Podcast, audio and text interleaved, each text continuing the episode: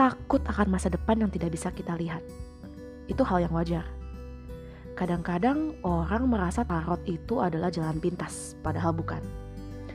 Seperti kami di Lead the Way, bisa saja memprediksi masa depan, tapi hal-hal itu hanya akan terjadi dengan syarat-syarat tertentu.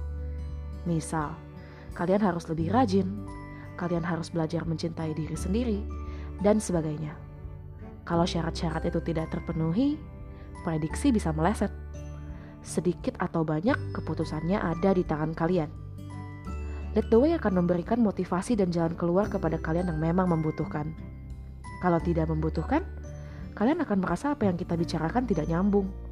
Tapi tidak apa-apa, karena Lead the Way akan ada dua kali dalam seminggu. Masalahmu mungkin saja dibahas di reading selanjutnya.